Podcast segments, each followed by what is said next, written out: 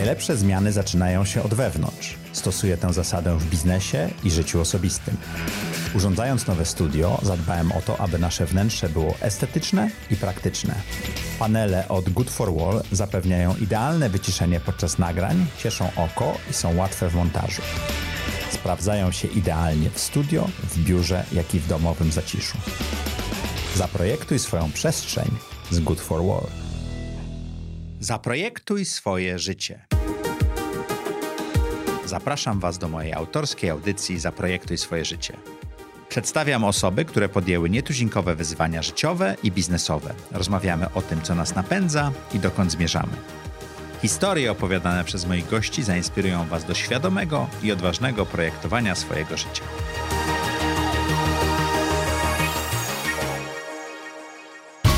Najważniejszą wartością firmy jest zdrowie pracownika. Corporate Wellness to program well-being realizowany w siedzibach firm lub online. Jeśli chcesz zadbać o swoich pracowników, skontaktuj się z nami www.corporatemyślnikwellness.pl Cześć! Witajcie w kolejnym odcinku audycji Zaprojektuj swoje życie. Jak co tydzień w czwartek o czwartej zapraszamy dla Was interesujących gości, dowiadujemy się, co ich napędza, szukamy podstaw ich biznesów, czy też pomysłu na życie i dowiadujemy się też, w jakie trudne zakręty weszli i może z nich nie wyszli, czego się nauczyli. Jeśli jesteście tutaj pierwszy raz, koniecznie kliknijcie subskrybuj, obserwuj, jeżeli nas słuchacie i dawajcie nam lajki, dawajcie nam komentarze, bo to nas napędza. Ja jako twórca bardzo się cieszę i odpowiadam na wszystkie komentarze. A dziś, jak na Zaprojektuj swoje życie, goście dość nietypowi, bo kanał YouTube'owy, trochę konkurencyjny, trochę kooperacyjny, czyli Adrian i Bartek z Dzień przygód dobry. przedsiębiorców. Cześć. Dzień dobry, dziękuję Adriana za widać. Adrian przed, słuchajcie, ubrany w taki piękny t-shirt i było zajebiście, ale powiedział, że on musi się przebrać na wizji. Z szacunku do ciebie, żeby nikt mi nie zarzucił, że przyszedłem w t-shircie treningowym, bo on jest treningowy z takim napisem robię salto. Wyglądał nieźle. Wyglądał nieźle. Dziękuję bardzo. E, no ale jesteś w swoim typowym stroju na wizji. Tak, tak. No chciałem założyć pelerynę na tak ważną okazję jak wywiad u ciebie. Dziękuję ślicznie. Bartek jest tym spiritus movens przygód e, przedsiębiorców, bo jego nie widać na wizji tak często jak e, No tak Adriana. często zdecydowanie. Nie? Prawie w ogóle, ale cała operacja, wszystko to jesteś ty, prawda? Słuchajcie, chciałem z wami porozmawiać o tym, nie tyle o projektowaniu życia, bo z dwoma wspólnikami to ciężko opowiedzieć, ale o tym, jak wyście wpadli na pomysł, żeby robić biznes razem, żeby to zbudować i jak do tego doprowadziliście, że to jest e, kanał, który niedawno przekroczył 100 tysięcy subskrypcji, o czym Zaprojektuj swoje życie jeszcze musi mocno pomarzyć, bo to 10 razy tyle. Generalnie całą drogę do ciebie przygotowywałem sobie odpowiedź właśnie na pytanie, co będzie, jeżeli powiesz, jak projektowaliście swoje ja życie. go nie zadałem, tak? Tak, no więc okej, no zaczynamy dobrze, nie? Zaczynamy dobrze. Dobrze, przepraszam, Adrianie, jak wyglądało do tej pory projektowanie twojego życia? Odpowiadając w dużym skrócie, żeby jednak trzymać się tamtego wątku, który zaproponowałeś. I uciec od tego pytania. Tak, ale projektowanie wyglądało w taki sposób, że od wielu lat bardzo rzadko słucham rad od osób, które nie osiągnęły tego, co ja chcę osiągnąć. Czyli szukam praktyków, którzy są poziom wyżej bądź 10 poziomów Czyli wyżej. szukasz pokoi, które są mądrzejsze od ciebie.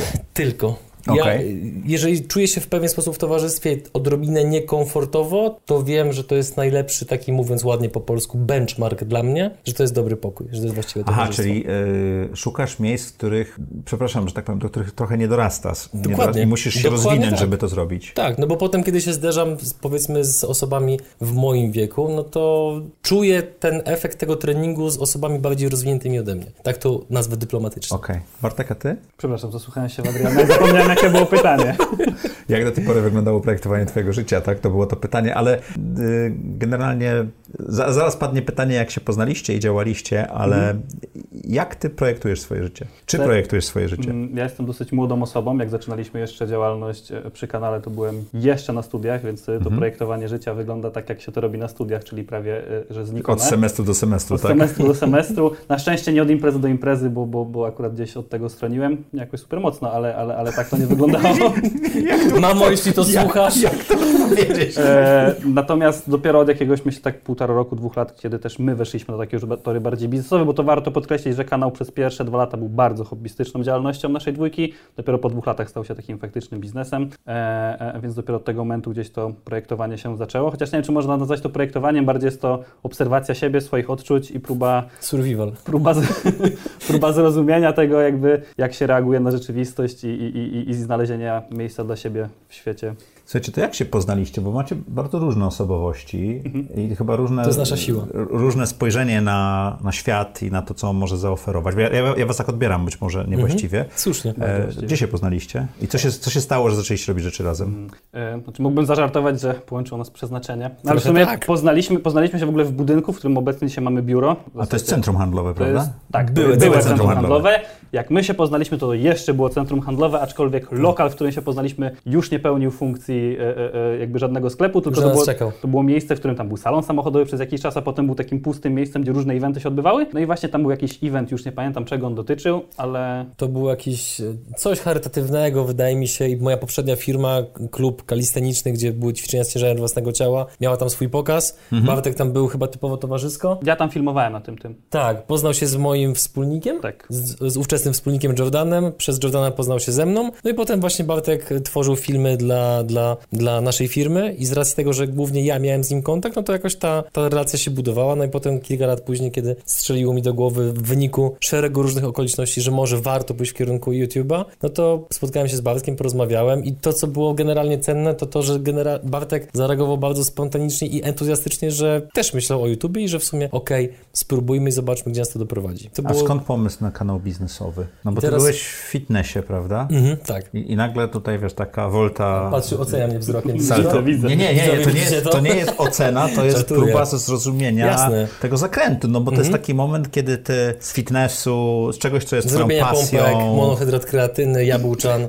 To- to- Takie pytania dostawałem. Walenie Mimo, że ja nie prowadziłem ani jednego treningu w życiu, ja byłem tylko właścicielem, współwłaścicielem. Okej. Tak, ale odpowiadając na twoje pytanie, to generalnie geneza jest taka, ona ma dwa, dwa czynniki. Pierwszy jest taki, że rozwijając ten klub, który tam w szczycie miał ponad 500 klientów, sześciu trenerów, dwie sale treningowe i tak dalej, to zauważyłem coś takiego, że za każdym razem, kiedy mieliśmy jakieś zmaganie biznesowe, jakiś problem, no to w przerwach na treningu, kiedy mieliśmy taką grupę, którą nazywaliśmy 30+, gdzie były no, już dojrzałe osoby, tak to nazwijmy ładnie, tam było wielu przedsiębiorców. I jak często mieliśmy jakiś problem, to zagadywaliśmy do jednego, do drugiego i oni mówili, no słuchaj, zrób tak, tak, tak, zadzwoń tu i tu, napisz maila tutaj i sprawa załatwiona. I tak było. Tak, i tak było. I, i, i w pewnym Czyli momencie miałeś taką radę nadzorczo-doradczą zupełnie przypadkiem Tak, na tak, no, w boksie, tak? stoi prezes w trampkach i tam w polistrowych spodenkach i mówi, wiesz co, tutaj masz numer, zadzwoń, powołaj się na mnie. No i tak było bardzo często. I w pewnym momencie gdzieś tam sobie pomyślałem, że no, relacje z przedsiębiorcami potrafią dawać tak dużą dźwignię i tak bardzo skracać czas potrzebny na wykonanie pewnych czynności, że postawiłem sobie pytanie, co mogę zrobić, żeby tych przedsiębiorców siłą rzeczy poznawać więcej. Więc początkowo tak naprawdę główną motywacją Bartka i moją przy rozwijaniu kanału, oprócz oczywiście propagowania przedsiębiorczości, w którą bardzo mocno wierzymy, Było poznawanie przedsiębiorców. Było chęć poznawania przedsiębiorców. A czemu zareagowałeś tak spontanicznie i entuzjastycznie na to, że zrobicie kanał na YouTubie? E, Znaczy ja generalnie od... Moi rodzice są przedsiębiorcami, fakt, że nie jakimiś dużymi, takimi bardziej mikroprzedsiębiorcami, No ale masz ten gen w sobie już, tak? Trochę gen to jest jedna rzecz, a druga rzecz, że branża, w której działają, no dzisiaj już nie, ale w latach tam 2000-2010 jednak była przeznaczona dla bardziej zamożnej części e, społeczeństwa, więc ich usługi też były jakby dla, dla, dla zamożnych, takich mieli klientów, którzy byli bardziej zamożni, więc ja w dzieciństwie e, e, gdzieś tam czasami jadąc tatą na, na robotę, no to też się obracałem w jakichś takich bardzo fajnych, ekskluzywnych miejscach, w którym, no nie ukrywam, podobało mi się to, jak tam ci ludzie żyli, więc gdzieś od, od zawsze miałem taki wewnętrznie, że chciałbym żyć troszeczkę inaczej niż, e, niż reszta społeczeństwa, więc, więc, więc jak mi o tym powiedział, mówię, stwierdziłem, kurczę, czemu nie? Zobaczymy, gdzie to nas zaprowadzi. I to był 2017 rok, kiedy zaczęliście, tak? I dwa lata to było hobby. Tak, Tak. tak, tak. To co się stało w 2019 roku, że... Bo ja, ja 18 miesięcy prowadziłem audycję też tak hobbystycznie w momencie we wrześniu. Dobra, spróbuję z tego zrobić biznes. Cały czas próbuję, jeszcze mi nie wyszło, ale zobaczymy. To co się stało w 2019 roku, że... Szanuję skromność i kokieterię, aczkolwiek nie wierzę, że nie wyszło, biorąc pod uwagę, jaką masz opinię wśród wielu ludzi, jak ten kanał się rozwija, jakich gości zapraszasz. Ale jeszcze monetyzacja nie, nie, nie, nie zadziałała. Okej. Powiedział tak, żeby usłyszeć od Ciebie ten komplement, także... No, Nie, nie, powiedziałem tak, żebyś mi powiedział, jak na tym zarabiać, tak, ale przepraszam, nie, na, na poważnie. W 2019 roku, co się stało, że, że zrobiliście taką woltę, czy kolejne salto, tak, czyli z fitnessu i sportu na biznes, a teraz z biznesu hobbystycznie na biznes jako pomysł na, na firmę. Jeżeli miałbym podać pierwszą odpowiedź, która przyszła mi do głowy, bo czynników zawsze jest generalnie no, więcej w każdej naszej decyzji, praktycznie, ale myślę, że takim wiodącym było to, że mm, gdybym miał to opisać jednym słowem, to frustracja. Frustracja, która wynikała z tego, że ja byłem uw- uwikłany, tak brzmi, kurczę, jakby w jakimś był kartelu albo coś. Byłem zaangażowany w kilka różnych projektów. Każdy z tych projektów miał wymiar bardzo kreatywny i wymagał ode mnie pracy kreatywnej. Na każdy, kto jest w biznesie dłużej niż pół roku wie, że jak masz wykonywać pracę kreatywną, to popracujesz dwie, trzy, może cztery godziny dziennie, jak jesteś cyborgiem i jesteś dead. A w momencie, jak masz tych projektów kilka, no to w pewnym momencie zaczynasz po prostu nie dowozić, zaczynasz zawodzić ludzi, zaczynasz wzbudzać frustrację w nich, potem w sobie, no i w pewnym momencie ja zrobiłem taki po prostu bardzo prosty ruch, zobaczyłem, w które projekty są, jestem zaangażowany, policzyłem mniej więcej, ile czasu zajmuje mi każdy z projektów i jakie zwroty daje już teraz. I pomimo, że przygody na tamtym etapie nie dawały jakichś kosmicznych zwrotów finansowych, to te zwroty w postaci wiedzy, kontaktów, nowych doświadczeń, tego, że na przykład jeden przedsiębiorca zaprosił nas do Gruzji, żebyśmy zrobili o nim materiał i tak dalej, no to te dowody były już na tyle silne, że postawiłem hipotezę, a co będzie, jeżeli poświęcę te, temu się w 100%, Czyli a nie w fokus.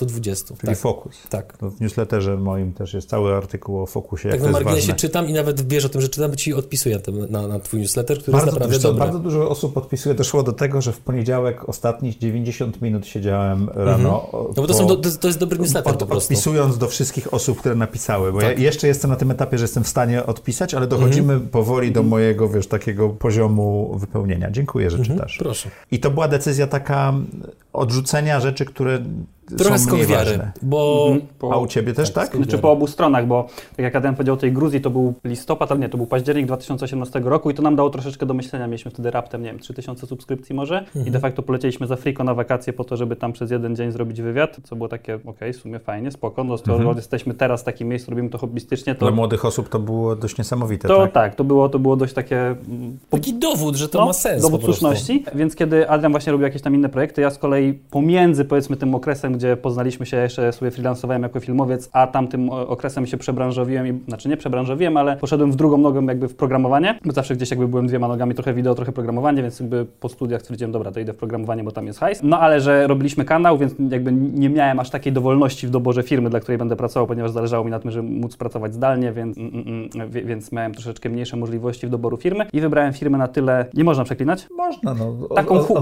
hu, hu, nazwijmy to, Tak. taką hu, hu, która mm, mm, troszeczkę mi się, znaczy troszeczkę a bardzo... Wtedy programowaniem się zajmowałeś, Tak, w sensie jak jeszcze robiliśmy, robiliśmy hobbystyczne, robiliśmy Mhm. hobbystyczny kanał, pieniądze miałem z programowania, mm, pracowałem w firmie, która... Nie najlepszą firmę. nie najlepszą, jakby... To była ta sama firma z tymi oponami? Tak, To za no, chwilę opowiesz Maciejowi i widzą, bo to jest dobra historia. e, firma, jakby ja uważam, że nie każdy powinien być przedsiębiorcą i tak jak tu poznawałem, robiąc, e, robiąc kanał, poznawaliśmy mega spoko ludzi i widać, że dobrze, że są przedsiębiorcami, tak tam poznałem ludzi, którzy uważam, że nie powinni być przedsiębiorcami, no i w pewnym momencie, jak e, nie do końca wywiązali się z pewnych ustaleń, które były na początku poczynione, no to stwierdziłem, hu, hu wam w, Żegnamy w się. dudu i, i żegnamy się i skok wiary lecimy, robimy, robimy YouTube. Też była taka dogodność w tym wszystkim, że się rozstałem z dziewczyną, więc mogłem wrócić do rodziców, a wiadomo, jak się wraca do rodziców, to nagle koszty, Koszty życia spadają, tak. więc, więc udało mi się przeżyć na, na oszczędnościach, które Obiadek miałem. czeka, jak wracasz ze studia, tak? E, w, w czekał, no bo jakby jak już, że tak powiem, koncepcja okazała się słuszna i, i pieniądze zaczęły lecieć, no to jednak z tej wygody zrezygnowałem, bo chociaż mieszkanie z rodzicami jest bardzo wygodne i, i, i, i oszczędne, to jednak psychicznie to nie jest najlepsza decyzja dla, jeżeli ktoś chce się rozwijać, więc więc już nie czekam. Ile wam zajęło czasu od tego 19 roku, kiedy postanowiliście, że to jest biznes, skupicie się i tak dalej, do momentu, kiedy to się stało biznesem? Kurczę, będzie historia o oponach, ale to może zaraz. E, To opowiedz historię o oponach. Nie, to ty Bartek opowiedz historię o oponach, bo on to zrobi fenomenalnie. W skrócie, tylko w skrócie dawaj. Tylko, że ja to już mówiłem dawno temu, nie wiem, czy ja drugi raz. Chodzi o to, że jakby jakiś czas temu miałem okazję spotkać się z ludźmi, którzy też pracowali, zna, znałem z pracy w tej firmie, o której mówiłem przed chwilą e, i właśnie jedna z osób mi opowiadała, jak mm, mm, wysłali taki newsletter do pracowników, jakie działania podjęli e, w kierunku tego, żeby firma lepiej przetrwała kryzys związany z COVID-em, no bo oczywiście firmy IT w, ko- IT w COVID-zie, no to słabo przęgły, nie? No właśnie, więc, więc, wy, więc wysłali, wy, wysłali ten newsletter, no i właśnie jedną z pozycji tam było napisane, że, mm, mm, że nie kupili zimowych opon do, do samochodu prezesa. Okej. Ale to No jeszcze... ale, ale to, to, to, chciałbym się skupić na tym, co wyście się nauczyli Tak. i na, na przedsiębiorcach, których poznajecie, którzy są dobrzy, a niekoniecznie na... Jasne, ale- Abstra- bo, bo są, bywają, bywają, wiesz, abstrakcje biznesowe, no. A czy też chodzi ja o- uwielbiam na przykład wielkich klientów, którzy przychodzą, zamawiają wielkich, olbrzymich, Mhm. światowych, a potem nie są w stanie zapłacić faktury na czas. No ale właśnie. to jest po prostu ręce opadają, nie? Każdy ma takie historie, nie? No. Tak, więc y, wracając do tego pytania, które zadałeś a propos, w którym momencie to tak zaczął być biznes, no to wydaje mi się, że chyba takim kamieniem milowym było otwarcie studia w BCF-ie, nie? No. To był styczeń 2019?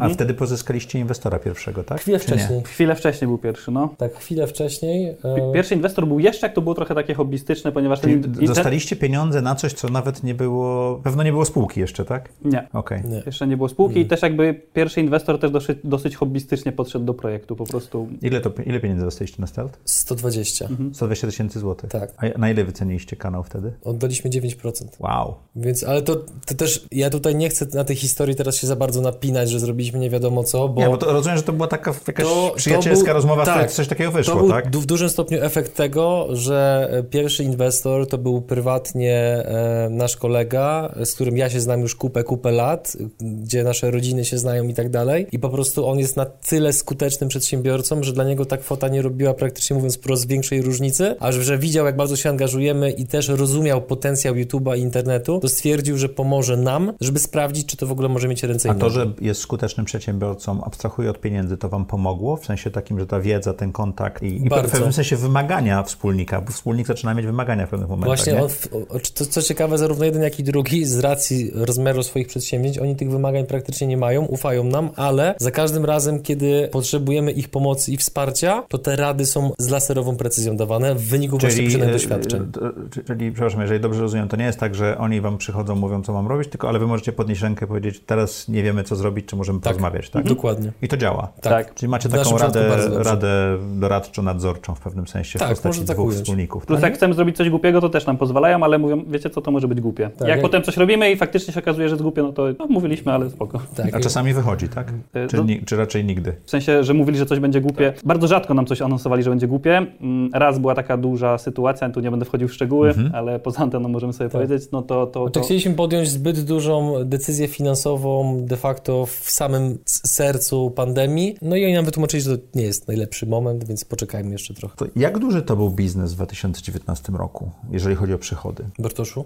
Rząd, rząd wielkości, możesz nie pamiętać dokładnej sumy. Miliona nie przekroczyliśmy. w 2019? No. Nie, tam w ogóle, no jakby to też można sprawdzić sobie po KRS-ie spółki, że 2019 w związku też, że wszedł w 2019 2019 roku wszedł drugi inwestor, więc wtedy nawet przepalaliśmy więcej niż, zarabialiśmy, więc 2019 chyba nawet jak się zobaczy tam w KRS-ie, to będzie z 200 koła strat. Okej. No właśnie, no to okej, bo ja to A jak nie duży to jest biznes uwagę. teraz? Mhm. Teraz, o właśnie, no to... to... 2020 jest zamknięty, znaczy czyli zaczynaliśmy ze stratą z 2019, Mhm. 2020, gdzie praktycznie, 2020 zamknęliśmy chyba na 100 tysiącach Zysku. zysku, gdzie tak Przy naprawdę? Teraz z głowy ci nie powiem, rząd wielkości to. Eee, a, a, a, Kilkaset a. tysięcy to było. kilkaset tysięcy, no to na pewno mniej. Górne kilkaset tysięcy. Tylko, że też dwa- dwa- 2020 był specyficznym rokiem, bo to był tak, że No, bo pandemia była też. Właśnie, bo to jakby też, u, u, bo jak oper- operujemy latami, a w sumie schemat był taki, że my w tym 2019 ten start to był, no, że rzuciliśmy wszystko, idziemy na głęboką wodę. Pierwsze gdzieś tam 3-4 miesiące tak do czerwca to było troszeczkę chodzenie po macku, próbowanie znalezienia modelu biznesowego i nie szło to Tak, bo my najlepiej. go nie mieliśmy, nie? I to, Tak. to Znaczy, mieliście kanał, ale nie wiedzieliście... Tak, jeszcze Tak. zrobiliśmy kilka pivotów po drodze, więc przypaliśmy sporo czasu, pieniędzy, energii. To, to, to nie był przyjemny okres, no ale no, A dzięki ty temu... uczysz się w ten sposób, tak? No tylko w takich niestety. Tak, dwa, potem czerwiec to było wejście drugiego inwestora, troszeczkę złapanie oddechu, znowu próba pewnych rzeczy i to tak trwało przez dwa miesiące do momentu, aż ja pojechałem na urlop i na tym urlopie stwierdziłem, że robimy bardzo głupio, że nie skupiamy się na tym, żeby nasza działalność związana z kanałem wtedy nam przynosiła pieniądze, a nie szukanie naokoło biznesów, gdzie oczywiście teraz to idziemy, ale na tamten etap, no to jednak trzeba było szukać pieniędzy w tym, że robimy kanał, wypuszczamy treści, no to musimy mieć z tego pieniądze. To spowodowało, że gdzieś tam powiedzmy do końcówki mm, mm, 2019, no Udało wam się zrobić break-even, tak? e, tak, Czy nawet zysk? E, Znaczy, no zysk nie, ale no nie nie taką dużą stratę, jaką mogliśmy zrobić. E, natomiast 2020, kiedy to już fajnie po nowym roku zaczęło, zaczęło fajnie iść, no to potem był marzec 2 2020, więc de facto z powrotem, z powrotem powrót do, e, do korzeni. E, I dopiero wrzesień 2020, czyli relatywnie niedawno, nawet nie jeszcze rok, to był z powrotem takie się odbicie i, i, i, i to, że mm, tą stratę odrobiliśmy i tam jest 100 tysięcy zysku, to de facto jest wynik ostatnich dwóch, nie- niepełnych dwóch kwartałów poprzedniego roku, nie? Mhm. No i też trzeba pamiętać, że my nie jesteśmy jakimś wielkim biznesem, no bo oprócz nas jest jeszcze czterech pracowników, którzy są na stałe z nami a, i takich powiedzmy osób. no, Ja, to jest taki moment, te, temat pracowników, którego ja bardzo nie lubię, bo często ludzie się napinają i podają długość przyrodzenia z kręgosłupem, że mają 40 osób, a faktycznie zaangażowanych jest na przykład 5, więc u nas oprócz mnie i Bartka takim korem są jeszcze cztery osoby, a podwykonawców, którzy z nami pracują przy na przykład rozwijaniu, kana rozwijaniu kanałów YouTube dla innych firm, to ich jest jeszcze powiedzmy 5-6 osób, więc taki no... A gdyby to ze- bardziej projektowo niż, tak,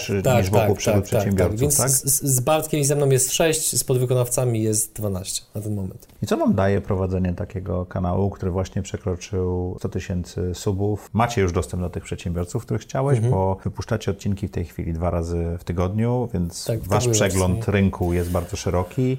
E, macie bardzo ciekawych przedsiębiorców, macie czasami ludzi, których ja bym nigdy nie zaprosił, ale dają dobre zasięgi. E, Stryczek zawodowy. Podoba mi się. nie, nie, no to, to, to youtuberzy gadają, więc dzisiejszy odcinek jest zupełnie inny niż zwykle. No ale są goście, którzy występują w każdym kanale YouTube'a i wszyscy ich oglądają i, i tak, tak można zrobić. Tak działa, to, to, to, to, to, to niestety tak działa.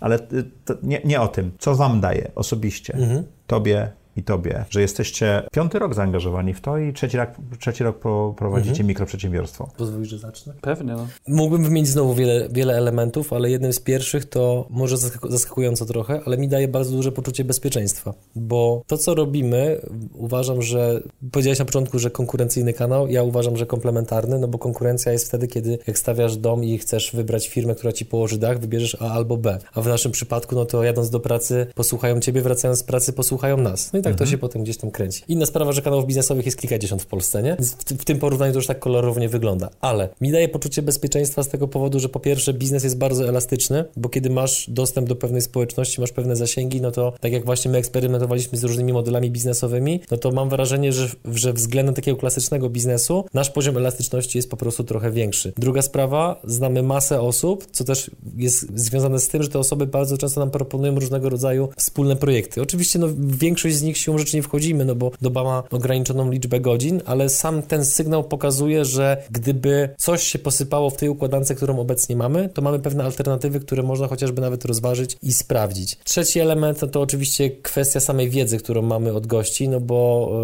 e, sam pewnie przyznasz, że to, co gość mówi przed kamerą, a poza kamerą, to są trochę inne światy. Pod Tak kątem- bardzo często ja, ja- mam godzinne nagranie, a potem 3,5 albo 4 godzinną konwersację z tym gościem, wiesz, najpierw przy Dokładnie. kawie, potem przy obiedzie i tak dalej. Tak, no i to zdarza jest, się. to tak. jest kolosalna wartość, która potem powoduje, że ma się różnego rodzaju insighty rynkowe, ma się dostęp do ciekawej wiedzy i tym podobne, więc y, tak naprawdę z każdym odcinkiem to poczucie bezpieczeństwa we mnie, ono się po prostu no, siłą rzeczy wzmacnia, Czy to jest dla Ciebie edukacja również jakaś w dużym taka stopniu. biznesowa, nie? Tak, no bo Praktyczna. ja czasami dostaję pytanie, czy tam nam w jakiś sposób, mówiąc tak może mało elegancko, nie odwaliła sodówka i ja zawsze odpowiadam, ale dlaczego mam odwalić, bo co, bo przekroczyliśmy 100 tysięcy subskrypcji, bo obroty Ale są... lodów, lodów w dużej sieci detalicznej jeszcze nie sprzedajecie, nie? Ze Nie, logo. je, jeszcze, nie, ale zmierzałem do tego, że ta sodówka uważam, że nie ma za bardzo prawa nam uderzyć do głowy z tego powodu, że jak masz regularny kontakt z ludźmi, którzy są na zupełnie innym poziomie niż ty, To jest ten, to... ten pokój, o którym mówiłeś na początku, tak? Że wchodzisz do pokoju... Tak, no to, to powoduje, że cały czas twoja optyka i,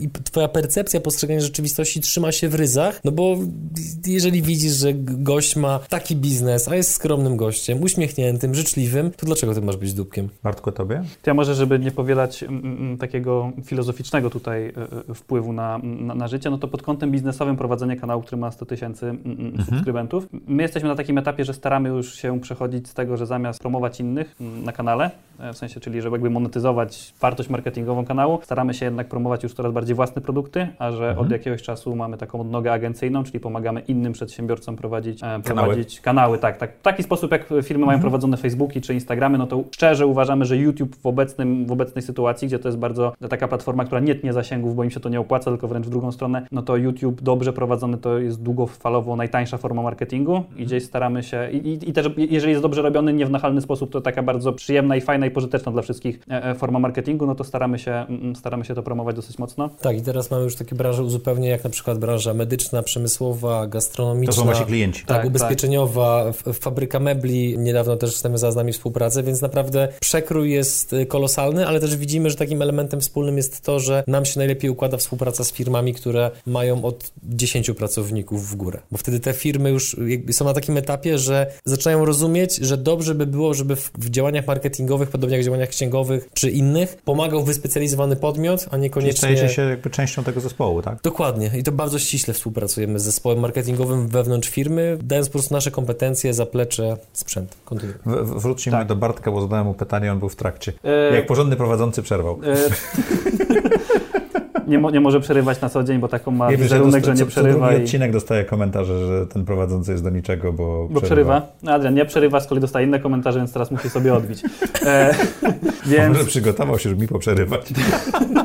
No więc- co to, pytanie było, co tobie Tak. daje? A, tak prywatnie jeszcze. Tak, E, to- tobie jako osobie, okej. tobie jako Mhm. biznesmenowi, tobie jako... Wiesz, Na pewno poznanie tylu historii, tylu bardzo różnych historii, bardzo różnych ludzi powoduje, że troszeczkę inaczej, bo tak jak Adam powiedział, że właśnie trzyma się jego światopogląd dosyć mocno w ryzach, to u mnie troszeczkę właśnie w drugą stronę, czyli ten światopogląd się troszeczkę zmienia. Uważam, że na przykład bardzo ciężko, na, jakby jeżeli ktoś osiągnął sukces, to bardzo ciężko jest tak naprawdę zrobić inżynierię wsteczną i powiedzieć, co spowodowało, dlaczego ten sukces osiągnąłem. bo to jest tak dużo małych y, rzeczy. to jest tak dużo małych niuansów, że każdą osobę, którą nawet jakbyśmy teraz Ciebie zapytali, to też nam udzielisz jakiejś odpowiedzi, ale czy ta odpowiedź jest zgodna z takim faktycznym stanem i czy ta droga, o której Ty mówisz, faktycznie była, była właściwa i, i, i te kropeczki w ten sposób połączone zaprowadziły Cię do miejsca, w którym jesteś? Wydaje mi się to bardzo trudne i znam naprawdę, znaczy w kontekście ludzi, którzy się gdzieś pojawili na kanale, to znam bardzo mało, których tak wierzyłem, że okej, faktycznie to te elementy mogły, e, mogły spowodować. Mam wrażenie, że każdy gdzieś jakby jednak tworzy swoją wersję tego, co spowodowało, że są gdzie są. Ja, ja mam taką opowieść o żeglowaniu, nie? Jak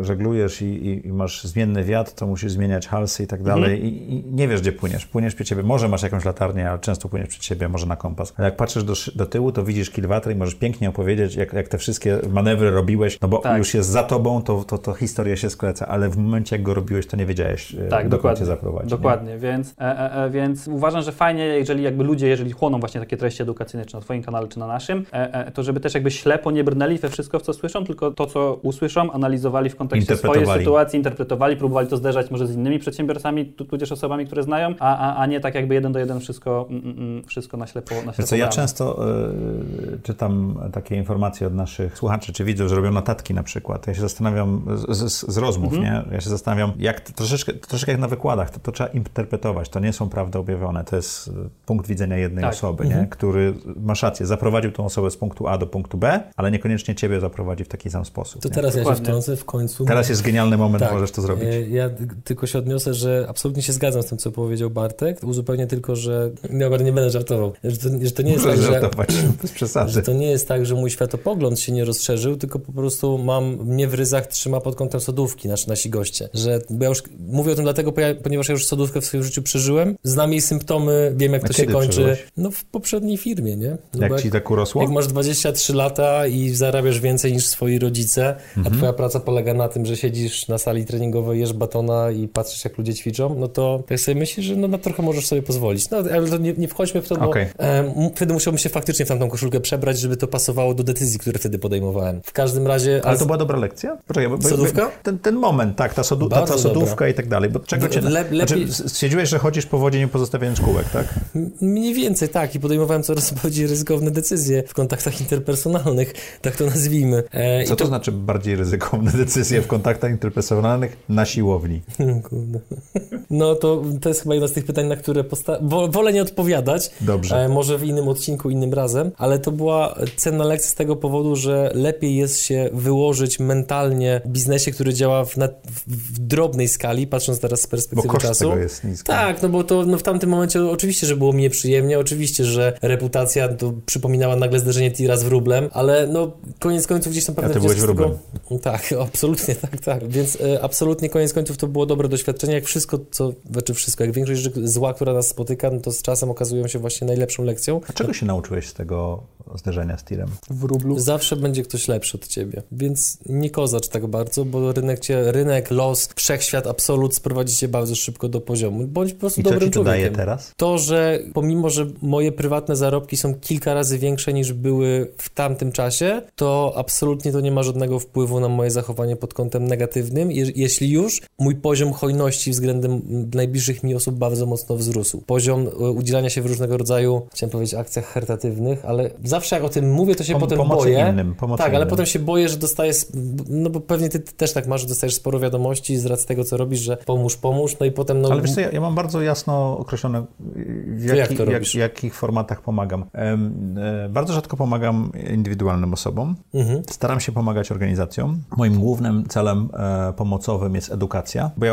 wierzę, że jeżeli e, wyedukujemy społeczeństwo, to społeczeństwo stanie się mądrzejsze, bogatsze i będzie w stanie bardziej pomagać kolejnym pokoleniom. Mhm. Tak, czyli takie trochę podejście. inwestowanie w, w takie powtarzalne coś, bo jak dasz Tak. komuś e, Rybę, a nie wędkę. tak, chcę, właśnie, chcę dawać Mhm. wędki, to jest do, do, dobre po- powiedzenie, bo nie, nie chcę wymieniać rzeczy, na, w które ja nie, Tak. nie inwestuję, znaczy nie, nie daję pieniędzy. Czasami też pomagam, dlatego pomagam startupom, startupom wystartować i tak dalej, bo ja uważam, że to trzeba zrobić. Mieliśmy świetny y, odcinek z Piotrem y, Żółkiewiczem, który jest inwestorem i tam między innymi wprowadził firmę na giełdę. Powiedział, że parę osób zainwestowało szybko, stało się multimilionerami. Jego to cieszy, że pomógł ludziom Mhm. osiągnąć cele życiowe. Nigdy nie słyszałem inwestora, który tak powiedział. I byłem taki wow. Ja troszeczkę też się cieszę, że pomogłem paru osobom nauczyć się y, być przedsiębiorcą, nawet jak te startupy nie wyszły, bo kolejne im wychodzą przedsiębiorstwa. Więc to jest ta rzecz. Dopóki serducho bije, to jesteś w grze, więc jak ci raz nie wyjdzie, to nie ma żadnego znaczenia tak naprawdę długoterminowo no, patrząc. No, wiesz, ja podobnie jak wielu naszych gości, ja to bym chciał pracować tak do 80, 90 w jakiejś formie, w jakiś sposób, tak? Czy to będzie audycja? Nie wiem, czy będę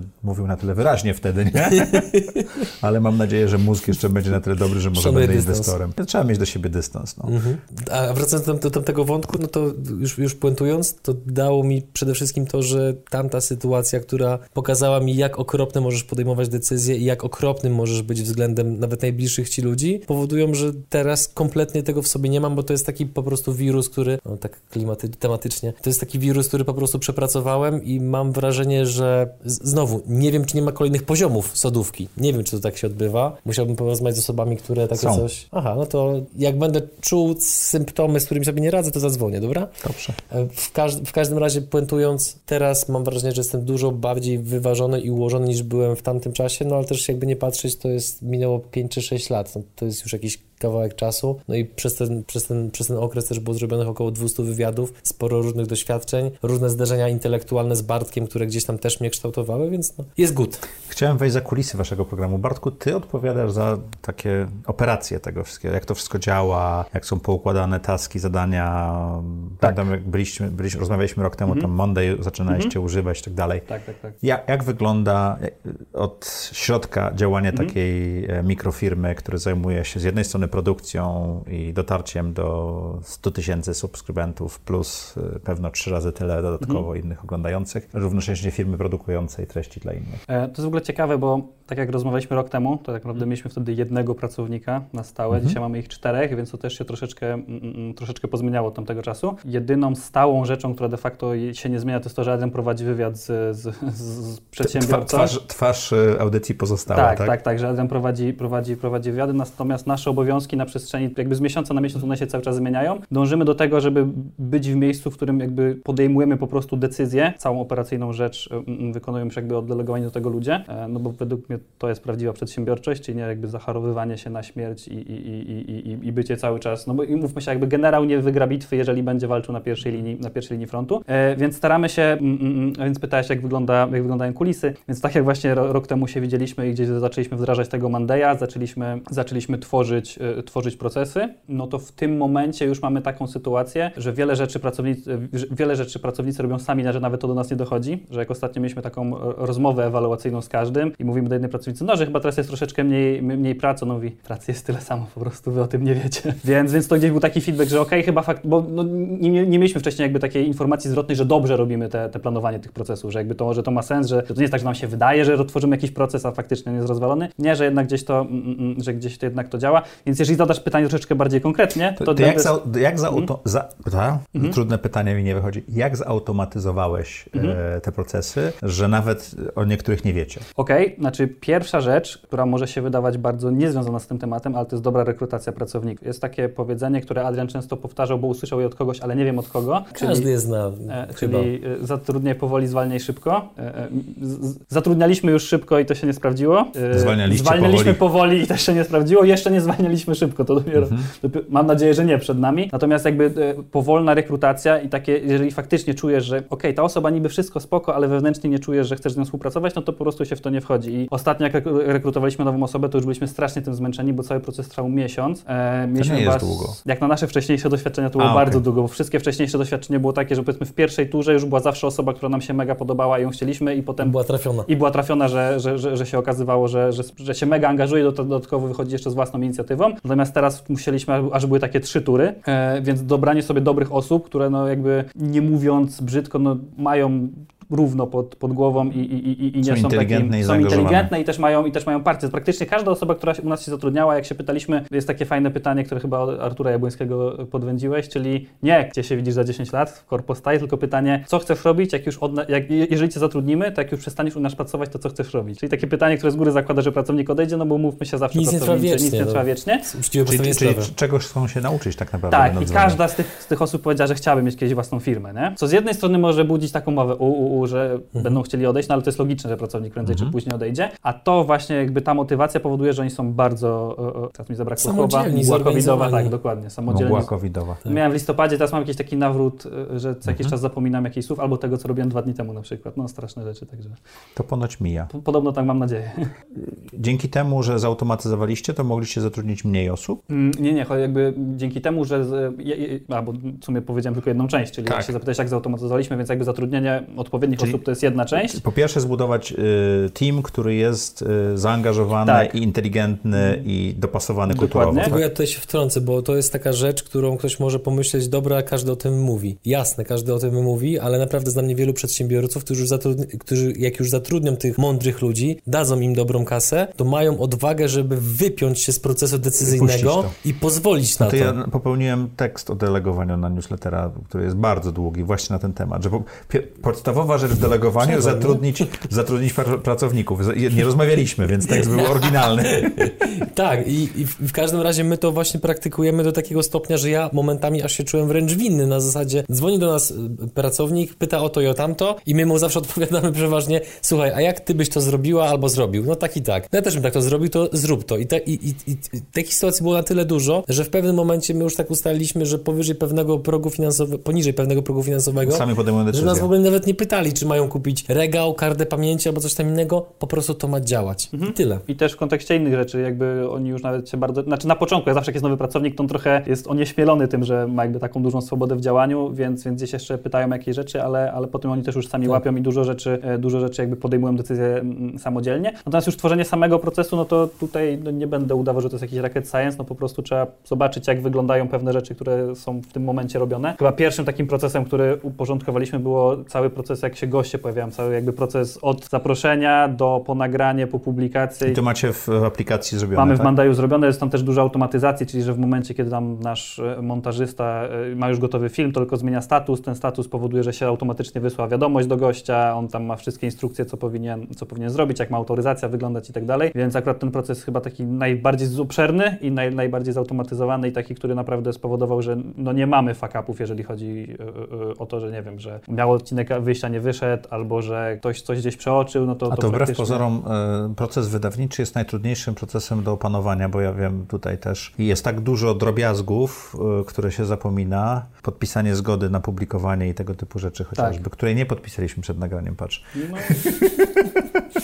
Tak, więc, więc de facto jeżeli chodzi o, o występowanie, to praktycznie Adrian tylko rozmawia z gościem i de facto cała reszta już jest robiona przez, przez pracowników, jakby na gotowe. Mhm. A kto robi pytania? Moja głowa. W sensie to może brzmieć żartobliwie, ale ja podążam bardzo mocno za rozmówcą. Ale nie, nie masz pytań, bo tutaj za wami jest... wiesz, Jest wcześniej przez gościa wypełniony pytań, nie? brief, e, który daje im pewnego rodzaju szkielet e, uniwersum, w którym znajduje się gość i to jest dla mnie jakiś punkt wyjścia, ale bardzo często widzę, że samo podążanie za rozmówcą i bardzo uważne słuchanie i chwytanie wątków, które on zostawia, załóżmy, że idzie główną drogą i zostawia takie okruszki na poboczach. To bardzo często I zbieranie ty, tych ty, ty też okruszków to jest robisz. wartościowe. Tak, że jak widzisz ten okruszek, nagle go rozciągniesz, to się okazuje, że tam w ogóle jest niesamowicie ciekawa historia. historia do opowiedzenia, więc tak naprawdę, no, ja często właśnie dostaję pytania a propos tego, jak są pytania przygotowane, bądź jak ja się przygotowuję do wywiadów. No i prawda jest taka, że oprócz tego, że jest brief i jakiś tam podstawowy research w internecie, to ja przede wszystkim skupiam się na tym, żeby być na maksa skupionym na gościu i to się może wydawać proste, ale cena, którą musisz za to ponieść jest taka, że ja mniej więcej po nagraniu dwóch, trzech odcinków w ciągu dnia, ja jestem już mentalnie do wymiany. Wy nagrywacie kilka odcinków dziennie. Rekordowo nagraliśmy 7, dochodziłem 3 dni do siebie po tym. Ja, ja nie nagrywam więcej niż jeden odcinek, zdarza nam I się to, jest, dwa. i, to, I to jest dobre. E, Po odcinku potrzebuję około dwóch godzin, żeby Mhm. opaść. Ja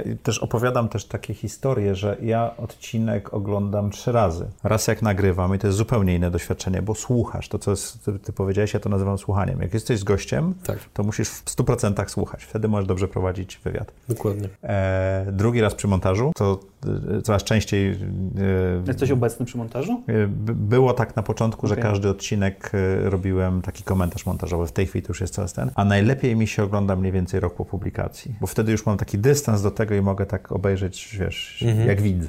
I to jest przyjemne. Tak, To było ciekawe. tak, że przy montażu pierwsze, nie wiem, 50 do 100 odcinków, to każdy odcinek, każdy timecode robiłem i tak dalej. No to u nas jest tak, że w sumie jak coś nagramy, to już zapominamy o tym, jak to zostanie wypuszczone. Ale są takie czasami sytuacje, że nas, nasz montażysta coś wrzuci do filmu, ludzie to propsują, a my nawet w sumie nie wiemy, co propsują. A to spoko, spoko, dzięki. Słuchajcie, chciałem porozmawiać o tym, o tej waszej nowej nodze biznesowej, nowej relatywnie e, w tych, tej, tej pięcioletniej historii, czyli tworzenie kanałów wideo i treści wideo dla firm. E, Skąd pomysł na to? Pomysł przyszedł ze strony Bartka, ja go skrytykowałem, zakopaliśmy go, minęło trochę czasu. Ja ten pomysł odkopałem, wskrzesiłem, przyszedłem do Bartka. I był twoim genialnym pomysłem? Mniej więcej. E, przyszedłem do Bartka, Bartek ten pomysł odrzucił, mówi, że nie, nie, nie, jednak Bo mi nie. się wydało fajny w tamtym momencie, jak go wymyślałem, nie już nie, Tak, nie, nie, nie ja już po z tym czasie. wewnętrznie. Ile czasu się z tym boksowaliście? O Jezu, Nie, to- pomysł ten, jak, to- wysz, jak wyszedł ode mnie, to jeszcze przygody nie były biznesem, tylko właśnie były tym hobbystyczną To rzeczą. lata. No.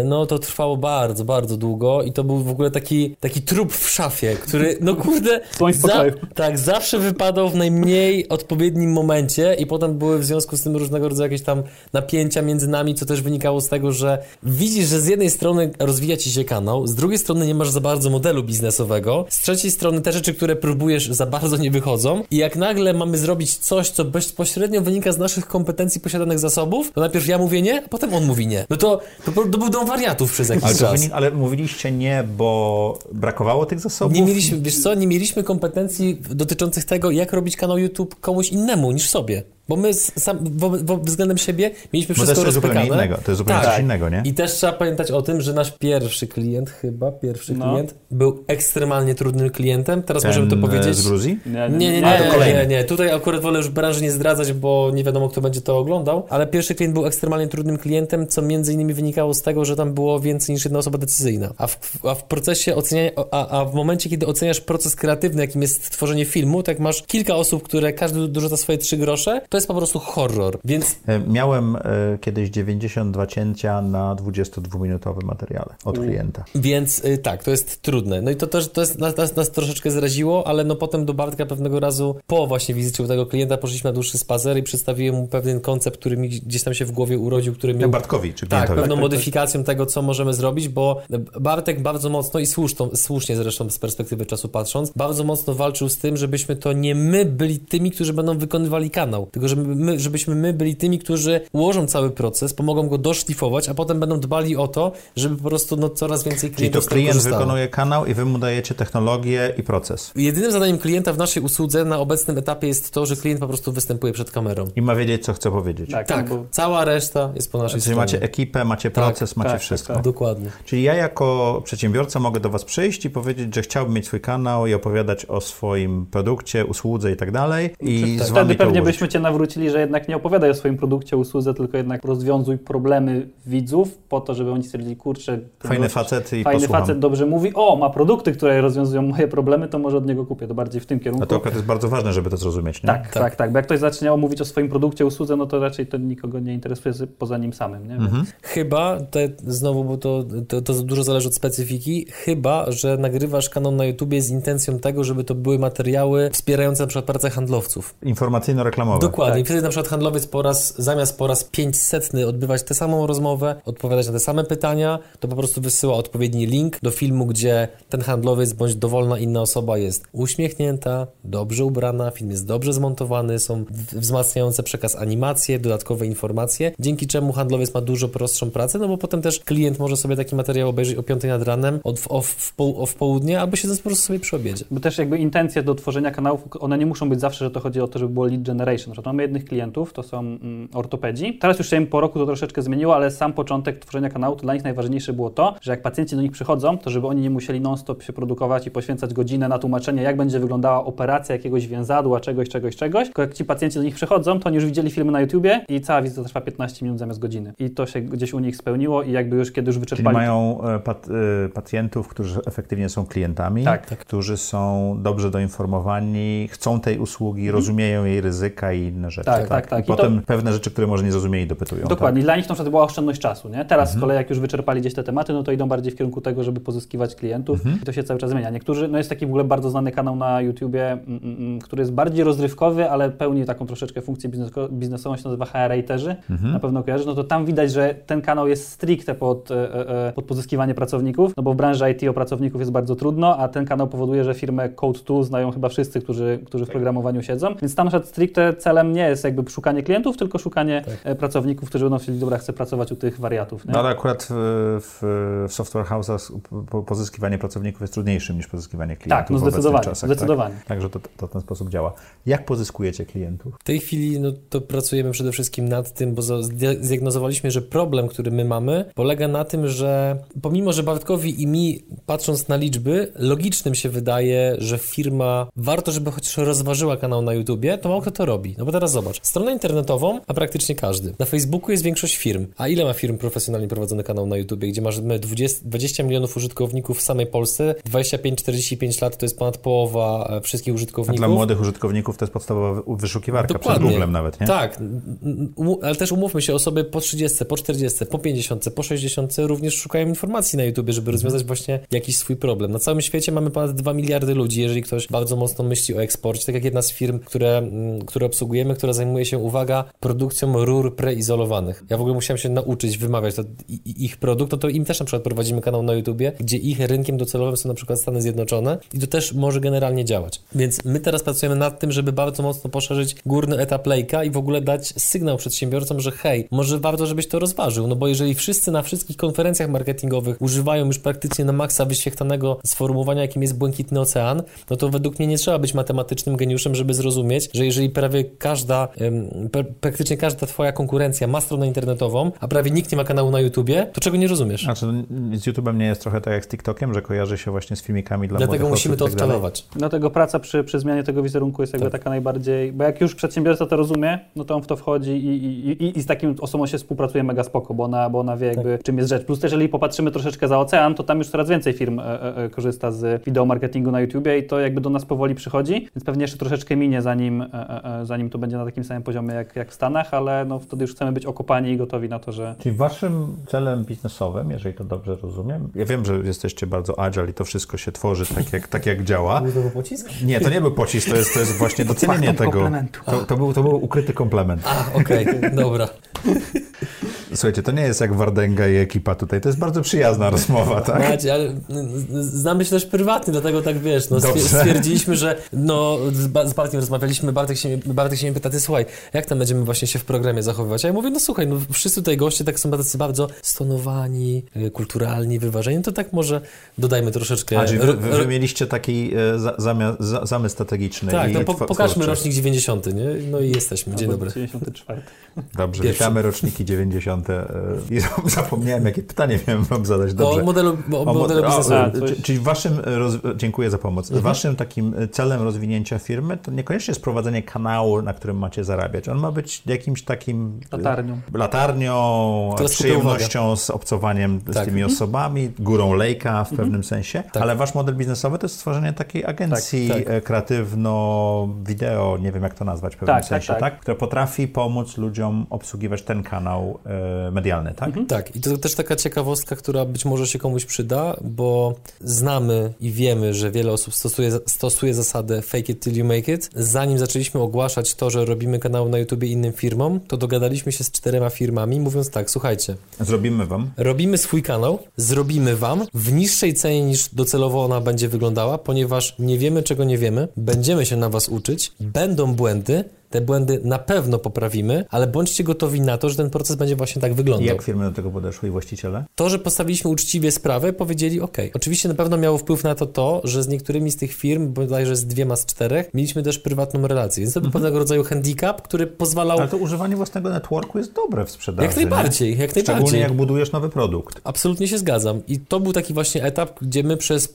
prawie rok bodajże szlifowaliśmy różne procesy właśnie obsługując tych czterech klientów i kiedy doszliśmy do momentu, że nagle tak przez powiedzmy okres dwóch miesięcy nie było żadnego większego alarmu, no to stwierdziliśmy, że to jest już chyba moment, że jesteśmy gotowi, żeby te procesy, które wyszlifowaliśmy na tych czterech klientach, nagle właśnie udostępnić innym klientom. No i teraz tych klientów mamy już, teraz dokładnie nie, nie chcę powiedzieć, bo niektóre umowy są w trakcie podpisywania, niektóre się przeciągają, bo ktoś przekształca spółkę i tak dalej, ale przyjmijmy, że w tej chwili zbliżamy się do 15 klientów, których już na stałe obsługujemy pod kątem właśnie e, samego YouTube. Ile taka przyjemność kosztuje? Mam firmę, chcę poprowadzić i mhm. kanał, który ma tam częstotliwość, nie wiem, raz w miesiącu, raz na dwa miesiące, Jasne. coś takiego.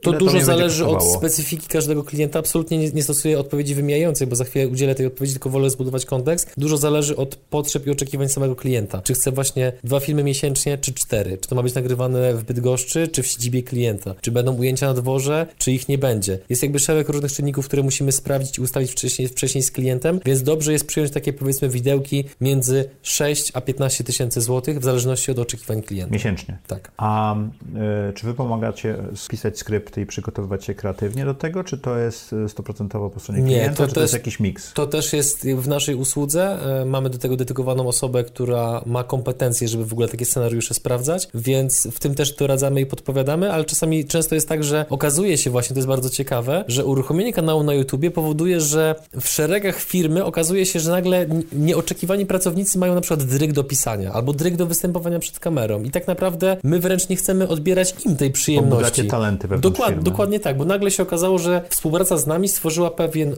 obszar, w którym taki pracownik może po prostu zabłysnąć. Jak dużą firmą będą przygody przedsiębiorców za kilka lat? Nasz cel, jeżeli chodzi o odnogę agencyjną, bo tu też należy rozróżnić, mhm. że jest to odnoga agencyjna. To jest osobna spółka? Nie, nie, jakby spółka nie, okay. ale pod kątem takiej naszej wewnętrznych, jakby na co poświęcamy ile czasu i, i, i, co chcemy, żeby było jakby priorytetowo rosło, no to naszym celem jest akurat 100 kanałów na YouTubie, które tworzymy innym przedsiębiorcom. Czyli 10 do 15 milionów złotych rocznie z e, odnogi agencyjnej, tak? Mhm. Tak na szybko licząc. Tak, mhm. tak. Okay. tak. No to jest taki powiedzmy pierwszy gdzieś tam kamień milowy do którego chcielibyśmy dojść, a biorąc pod uwagę to, że mieliśmy tych czterech klientów przez rok, kolejnych dziesięciu doszło w jakieś 4-5 miesięcy, no to oczywiście to nie znaczy, że trajektoria będzie identyczna, aczkolwiek uważam, że ona może wręcz przyspieszyć i wzrosnąć, bo widzimy, jak wiele jeszcze działań marketingowych nie podjęliśmy, żeby właśnie realizować promowanie tej usługi. No ale wy się nie śpieszycie chyba z tymi nie. działaniami, bo... Nie, nie, nie, bo my też uważamy, że jakość... Nie jesteście szyb, szybciej w stanie rosnąć My też uważamy, że jakość ponad ilość. Dokładnie. Ale nie, faktycznie tak uważamy, bo gdyby było inaczej, to byśmy nie robili tego okresu, tego rocznego okresu, gdzie robimy te testy, szlifujemy procesy, tylko byśmy od razu krzyczeli, nie mamy ani jednego klienta na kanał na YouTube, ale robimy kanał na YouTubie, więc zapraszamy. No, ja bym się z tym źle czuł, to nie jest mój absolutny My klimat. odpalamy w tej chwili społeczność Zaprojektuj swój biznes i ja stwierdziłem, że to, co mamy, nie jest jeszcze gotowe, więc mhm. E, będziemy ją prowadzili, żeśmy tak 4 miesiące praktycznie bez mhm. członków społeczności, bo musimy dopracować procesy, bo nie otworzę drzwi do pustego, pustej hali, nie? Według mnie to jest mądre podejście. Może niektórzy się z tym nie zgadzają, bo uważają, że trzeba jechać jak najszybciej, może i tak, ale ja po prostu się bardzo psychicznie bardzo źle znoszę rozczarowywanie klientów. No to jest coś, ja, ja nie mogę przez to spać. Potem Bartek ale musi wysłuchiwać mojego... B2B, a nie w B2C. To nie ale jest tak, to... w B2B to jest ważniejsze, bo w B2B nie masz drugiej szansy, żeby wrócić do tego samego klienta. Tak, absolutnie tak. Znaczy, zgadzam się. Jak spalisz y, kontakt mhm. z przedsiębiorcą, to nie odzyskasz go nigdy. Dlatego my się nigdzie nie śpieszymy i robimy to stopniowo, krok po kroku, cały czas y, pogłębiając kompetencje, szukając ludzi, którzy też mogą uzupełnić nas, no bo my, my też generalnie praktykujemy tę zasadę, żeby brać do współpracy takich ludzi, którzy w pewnych obszarach pokazują, że znają się po prostu lepiej na tej robocie niż my, no bo to chyba taka jest idea biznesu, tak mi się wydaje. Bartku, a gdzie ty siebie widzisz, jak ta firma urośnie? Bo ty jesteś na zapleczu, y, dbasz o to, żeby te procesy mhm. działały i tak dalej, technologicznie o to dbasz, nie? No, ale firma robi się na tyle duża, że tych pracowników nie będzie kilkoro mhm. i pewno nie będzie kilkunaścioro, tylko będzie kilku, kilkadziesiąt osób, być może rozproszonych po całej Polsce, bo tak będą wasi klienci. Mhm. Co będziesz robił? Co będę robił? W tej firmie? Generalnie moim celem takim nadrzędnym to jest bycie niepotrzebnym w firmie, czyli być po prostu jej właścicielem, który czerpie owoce z tego, to jest że przez... rewelacyjny cel i bardzo trudny do osiągnięcia. Nie? Zdaję sobie sprawę, nie wiem, czy troszeczkę nie też taki e, świętogralski, w sensie, że trochę możliwe nie do osiągnięcia. E, natomiast jest kilku przedsiębiorców, których gdzieś tam obserwuję na, na Instagramie i widzę, że oni potrafią prowadzić duże firmy, ale praktycznie z pozycji głowy i telefonu, czyli że ostatecznie oni podejmują decyzje, a mm, mm, a Duże resztę- decyzje, nie? duże de- małe tak, są- Duże... duże też mieliśmy ich okazję ich poznać. I nie? mieliśmy No, okazję- nie Nie zarzucił, wyczyściliśmy, że nie, patrzysz na wyczyściliśmy, nie zdjęcia i- wyczyściliśmy mikrofonu. Mieliśmy okazję ich poznać, więc pozwól, że dokończę. E, Panie przerywający prowadzący. Jaką łatkę mi szypieli. Nie no, żartuję, żartuję spokojnie. E, więc, więc, więc to na przykład ten rok dla nas, dla mnie, dla Adriana po zeszłym roku, który był straszny, gdzie po prostu się zajechaliśmy bardzo mocno. w A to przez, przez COVID i zmiany?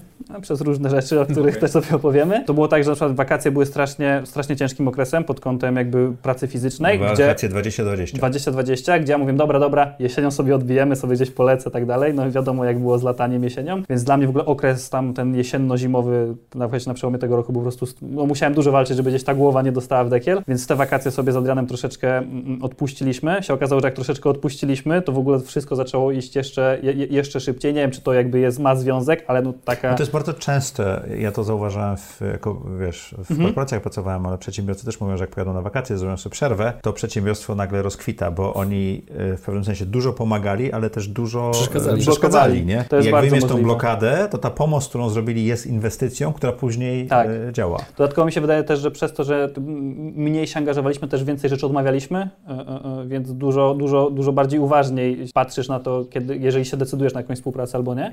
No i tak jakby ten rok, znaczy ten rok, te wakacje w, w tym roku były takie, że one były spoko, w sensie było i pracy, i rozwoju trochę, ale też dużo takiego odpoczynku. Adrian troszeczkę sobie rozwinął swoje hobby związane ze skokami na spadochronach, ja z kolei poszedłem w kitesurfing. Taka praca za parę lat, gdzie mógłbym po prostu jednocześnie pracować, ale też zwiedzać świat, czyli jednocześnie dawać coś światu i stwarzać jakąś wartość, a jednocześnie też chłonąć wszystkie owoce, które, które świat daje, których nie da się, nie mamy tyle czasu na świecie, że nawet gdybyśmy od dziecka byli po prostu uposażeni we wszystkie pieniądze świata, to nie jesteśmy wszystkich tych atrakcji w stanie wchłonąć, no to, to byłoby idealne dla mnie. No to pięknie powiedziałeś, że zrobić siebie niepotrzebnym w firmie, a to jest, to rzeczywiście jest takie trudne zadanie i pewno niemożliwe, to jest trochę... Tak, ale też trochę, wydaje mi się, że też ludzie mają troszeczkę blokadę, no bo każdy chce się czuć potrzebny jednak, nie? To jest w ogóle też problem starych ludzi, nie? Że starzy ludzie mają jakby problem, bo już jakby czują się niepotrzebni, wszyscy chcą ich za wszystko wyręczać, jakby oni już nie mają, a dobra, ty się dawno urodziłeś, to, to co ty się tam znasz na tym świecie, że mam wrażenie, że starsi ludzie właśnie się czują niepotrzebni, to jest jakby takie bardzo nienaturalne dla nas ludzi czuć się niepotrzebnym, nie? No ale w biznesie uważam, że to jest... No, znam przedsiębiorców prowadzących wielomilionowe czy wielomiliardowe biznesy, którzy nie potrafią wyjść z firmy, bo, bo ona ich definiuje. Tak, tak, tak. Wypalenie zawodowe jest normalną rzeczą, jeżeli jest się pracownikiem, ale y, rzadko przedsiębiorcy o tym mówią. Ty powiedziałeś, że te wakacje były już takie męczące i tak dalej. Co takiego się działo i jak sobie z tym poradziłeś? Mm, Poradziliście, 20, może, wakacje do po- 20. Może poradziliście, bo to chyba we dwóch było, nie? Bo rozumiem, że to był taki okres Tak. przyspieszenia jakiegoś, który niekoniecznie coś dał, To tak? nie był okres przyspieszenia, to był okres pozornego i wiary w przyspieszenie, która okazała się dosyć strogim hamulcem, mówiąc bardzo naokoło. Po prostu podjęliśmy pewną współpracę, która no, nie do końca została przemyślana. To jest właśnie też jeden z tych elementów, gdzie nasi wspólnicy mówili, a tam coś tak nie do końca im pasuje. Zignorowaliśmy ich I sugestie. trochę gdzieś zignorowaliśmy. Czyli y, słuchanie wspólników, którzy są bardziej doświadczeni i mądrzy jest ważne. Tak, no i też przede wszystkim są z boku, bo oni nie siedzą w tej firmie, więc oni mają taki bardzo czysty obraz, że patrzą na wszystko z boku i... Czyli i... widzą las i drzewa im nie zasłaniają. Tak, dokładnie, Okej. dokładnie. Fajnie powiedziane, bardzo, No. bardzo, Bardzo mi się to no, podoba. Dokładnie, więc, e, więc poświęciliśmy Muszę coś zapisać. Przerwa, żartuję. Więc poświęciliśmy bardzo dużo czasu na, na pewien projekt, zamiast, że tak powiem, budować w 100% siebie wtedy i, i, i to było mega, mega gdzieś tam wypalające zadowo. Fakt, że ta decyzja była też podjęta trochę tym, że właśnie to było po pandemii, więc my dopiero gdzieś wychodziliśmy z powrotem w ten break-even, który mieliśmy w zeszłym roku, znaczy rok Więc, wcześniej. więc trochę na siłę szukaliście pomysłów, Tak, tak? Więc trochę łatwiej nas było gdzieś tam zwabić w pewne... w Plus pewne... nie wiedzieliśmy, że branża szeroko rozumianego marketingu internetowego, ona się w pewien sposób obroni. Nie wiedzieliśmy tego jeszcze, Mhm. a że jeżeli zewsząd się słyszy, że ludzie zamykają firmy, tracą pracę, są obniżki wynagrodzeń, no to w No pewien ja sposób... pamiętam, nagrałem odcinek o koronawirusie, to był tak czarny odcinek, że nie, nie wiem, czego go. nie zdjąć. No, ale wtedy tak, taki był, taki, Tak, taki tak. był pojęcie? Rezonowałeś z otoczeniem i my Tak. my tak samo, dlatego też właśnie to Ja się spowodowało... autentycznie bałem. My podobnie, dlatego też podjęliśmy właśnie te decyzje w bardzo krótkim czasie, na hura, bardzo szybko, w ogóle nie analizując tego, jak to będzie współ, współgrało z naszymi procesami, tylko dobra, dobra, ogarniemy. Jakoś No, to będzie. Tak, jakoś to będzie, jakoś to zmontujecie. Klasyczny tekst na planie zdjęciowym. No dobrze. I to y, potem spowodowało Skończyły się wakacje, ten projekt nie zadziałał, jak rozumiem. Totalnie. On, tak, on nie I zadziałał. wy byliście zmęczeni tym, tak? Tak, tak, tak. Co, no. co zrobiliście, że... Ja mam takie momenty, że kreatywność ze mnie uchodzi, Mhm. a prowadzenie e, kanału na YouTubie, spotykanie się z gośćmi, trzeba mieć tą energię, tą kreatywność i tak dalej. I Jak wy sobie poradziliście wtedy, żeby wrócić z powrotem, czy Mm. tam wsiąść na tego konia, jak to się powiada, tak? Znaczy, na... aha, to pierwszy może. No ty mówiłeś, że chciałeś na wakacje właśnie nie zadziałaliśmy. Dobrze, ty pierwszy.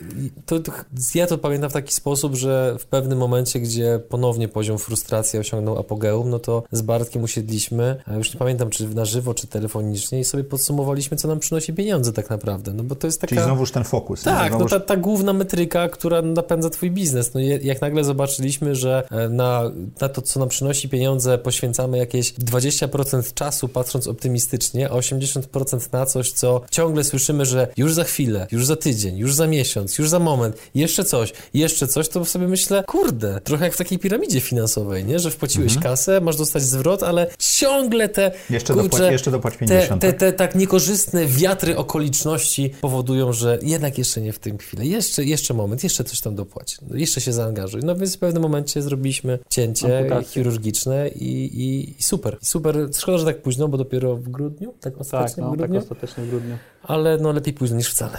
Ja się w lutym do Gdańska wtedy też przeprowadziłem, no bo nie mogłem na wakacje polecieć, a Mhm. bardzo potrzebowałem zmiany otoczenia, więc ta wyprowadzka do Gdańska też trochę e, e, Nad morzem dobrze się miesza. Bardzo dobrze, y, zwłaszcza jak jeszcze mm, nie ma sezonu i można pojechać na pustą plażę, to tak naprawdę 10 minut patrzenia w te fale, jak się odbijają, to po prostu jest jak taka... Ja pamiętam, e, najbardziej lubiłem 1 września w Sopocie na Monciaku, jak wszyscy turyści już wyjechali, szkoła się zaczęła i się szło po, po rozpoczęciu szkoły Mhm. i pusty Monciak, a wszystkie knajpy jeszcze otwarte. Tak. Czyli jutro, to jutro, jak tak nagrywam, to jutro, Jedziemy. to, to jutro po jutro programie, tak? Sopotu. Masz śmigłowiec chyba, nie? Taki mały, plastikowy. Czyli to zadziałało, tak? Mhm. Takie oddalenie się, zmiana. Ja zrobiłem odcinek solowy o zmianie miejsca, czyli zmiana miejsca też ci pomogła w, Bardzo. w resecie. Bardzo, no. Ty też się wyprowadziłeś, nie? Tak, ja teraz już w Bydgoszczy nie mieszkam, mieszkam między Bydgoszczą a Trójmiastem, w mniejszej miejscowości. Ma to, ma, oczywiście ma to swoje minusy, bo musisz dojeżdżać, ale ma też szereg plusów. Ja mam ten dy, dystans właśnie podobnie jak Bartek, też no, praktycznie cały czas, bo ja na przykład nad jezioro mam 4 minuty samochodem. I zwłaszcza poza, poza sezonem, tam praktycznie nie ma ludzi, jest, jest wokół las, więc idealne miejsce do tego, żeby właśnie pobyć samemu ze sobą, swoimi myślami, no i podejmować od czasu do czasu dobre decyzje, a częściej złe. To, to jest pięknie powiedziane. Podejmować od czasu do czasu dobre decyzje. No, tak to Bo my podejmujemy kilka decyzji w roku, które mają znaczenie, tak, Tak. naprawdę. Cała reszta to jest taki poziom szumu. mhm, dokładnie tak. Dobrze, panowie, nadchodzi taki moment, kiedy zadajemy gościom takie same pytania, żeby, żeby lepiej ich zrozumieć i więcej się o nich nauczyć. Nie wiem, jak to zadziała z wami dwoma, ale spróbujemy. Ciekawe, czy to będzie klimat pomidorowa czy ogórkowa. E, Będzie to dokładnie taki Okej. klimat. Będę py- pytał was na przemienie jako pierwszego, dobrze, dobrze? dobra. Zobaczmy, I mam odpowiadać krótko czy długo? Masz odpowiadać treściwie. Jak, czy to będzie krótko, czy długo, od ciebie zależy. Mhm. Janie, czy możesz opisać najlepszą decyzję, jaką podjąłeś w życiu? Z perspektywy zawodowej to uważam, że było to wejście w biznes, pomimo że sygnały najbliższego otoczenia wskazywały, że to jest niewłaściwy kierunek i akurat nie miałem tego komfortu, który miał Bartek, że pochodził z rodziny właśnie biznesowej. I pomimo tego, że e, rodzice bardzo dbali o edukację moją i mojego brata, dali nam naprawdę ciepły, kochający dom, to biznes mojej rodzinie zawsze kojarzył się z czymś bardzo niepewnym, z czymś w pewien sposób ryzykownym, z czymś niebezpiecznym. Natomiast ja od najmłodszych lat widziałem wielu moich kolegów, którzy mieli rodziców, których wtedy nazywano prywaciarzami i to częściej niż przedsiębiorcami. Cieszę się, że odchodzimy powoli od tego, ale, ale wciąż mam wrażenie, że zbyt wolno. I tak naprawdę no, przez to, że podjąłem te decyzje, to bardzo mocno ustawiło trajektorię wszystkich innych spraw i absolutnie, gdybym mógł się cofnąć w czasie, to podjąłbym ją jeszcze raz, tylko Czyli to być jest może taka jedna szybciej. ważna decyzja, która ustawia ci resztę twojego życia, nie? Totalnie. Bartko, ty? Ja mam trochę problem ze stopniowaniem najlepszych rzeczy w życiu, czy też najlepszy film, najlepsza książka, najlepsza Mhm. decyzja, ale mm, robiąc tą inżynierię wsteczną, o której mówiłem, że każdy robi i pewnie każdy ma swoją wersję, to dla mnie najlepszą decyzją, jaką, jaką podjąłem, było to, że ja po maturze chciałem bardzo iść na Politechnikę do Gdańska. Zrąbałem maturę z informatyki, więc się tam nie dostałem jakąś tam różnicą dwóch punktów i mogłem podjąć, jakby się uprzeć, że tam chcę się koniecznie dostać i podjąć ku temu działania, ale bardzo mocno odpuściłem, stwierdziłem, dobra, to idę na studia do Torunia. Ta decyzja jednak, gdybym, gdybym wtedy bardziej mocno poszedł w tym, żeby jednak pójść na tą Politechnikę, to pewnie byśmy tutaj nie siedzieli, nawet byśmy nie robili raczej tego, co robimy, więc, więc patrząc, no to była taka bardzo kluczowa decyzja, żeby stwierdzić... trochę przypadkowa, ale dała ci e, bardzo ciekawą Tak, perspektywę. tak. Ja w ogóle mam takie troszeczkę może duchowo-filozoficzne podejście, ale jeżeli gdzieś tak świat ci daje informację, że może nie, czasami się warto zastanowić, czy może faktycznie nie posłuchać i okej, dobra. Mhm. Pytanie o e, osoby, które mają na ciebie największy wpływ. To Tim Ferriss to nazywa Power Five, czyli te pięć osób, które, którymi się otaczasz, bo Mhm. te kręgi, wiesz, jesteśmy tak, tacy, jakimi osobami się otaczamy. Mhm. Kto to jest te pięć osób? No chcąc nie chcąc, no to Adrian jest pierwszą, bo chyba z nim Mhm. spędzam najwięcej czasu. Na telefonie na pewno. Na telefonie, no tak, no bo wszyscy gdzieś jesteśmy zdalnie, ale, ale, ale na telefonie najbardziej. Cała reszta to jest dosyć, no na pewno moja, naj, najwięcej potem chyba czasu po Adrianie, no to gdzieś wydaje mi się w kontakcie jestem ze swoją kuzynką a, a, a, a, i jej mężem, więc, więc to też są dwie osoby, na które mają na mnie, na mnie największy wpływ. To też nie muszą być żywe osoby, bo czasami mamy osoby, które czytamy i wiesz... Okej. Y, Strasznie, znaczy to zawsze jak ktoś mnie pyta, jaką książkę najbardziej Mhm. lubię, to zawsze mówię, że moją ulubioną, aż się czasami trochę czuję jak taki grupis, więc może nie będę aż tak tutaj propsował, ale strasznie lubię Marka Zmysłowskiego książkę Goniec Czarnej Dorożce, to jest w ogóle moja ulubiona chyba książka, jaka w ogóle z tematów biznesowych i niebiznesowych.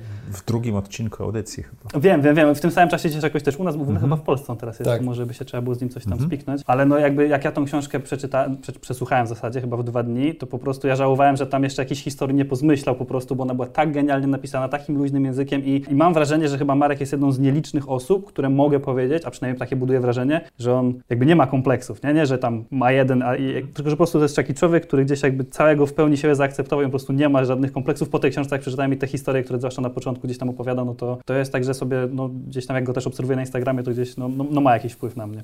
A ty? No to nie będę oryginalny, jeżeli powiem, że właśnie podobnie kontakt z Bartkiem. Tutaj może to jedynie uzupełnię o to, że to te, trochę nie jest tak, że my jesteśmy na siebie skazani i tyle i, i trzeba się z tym pogodzić, tylko ja wręcz jestem dumny z tego i cieszę się, że jestem w wielu sytuacjach skazany na Bartka, bo tak jak zauważyłeś na samym początku, pewne różnice w osobowości, temperamencie, predyspozycjach Ale nie w wartościach. E, Nie, w tym nie. Powodują, że ja się dużo uczę po prostu od niego. I, i, i mi to też się podoba, że pomimo, że na, nasze zarobki i przychody firmy też gdzieś, gdzieś to stopniowo rośnie, to te pieniądze potem zarówno przez Bartka, jak i, jak i przeze mnie mam wrażenie, że są lokowane w zakup różnego rodzaju doświadczeń, bardzo często z nowymi ludźmi, którzy też, też nas czegoś nowego uczą i potem siłą rzeczy przynosimy to do firmy. To jest bardzo cenne. Oprócz tego oczywiście moja narzeczona, która jest totalną moją przeciwwagą i dzięki Bogu, że tak jest. Dzięki niej nauczyłem się bardzo mocno panować nad emocjami i kiedy mój wewnętrzny głos mi mówi zetnij głowę,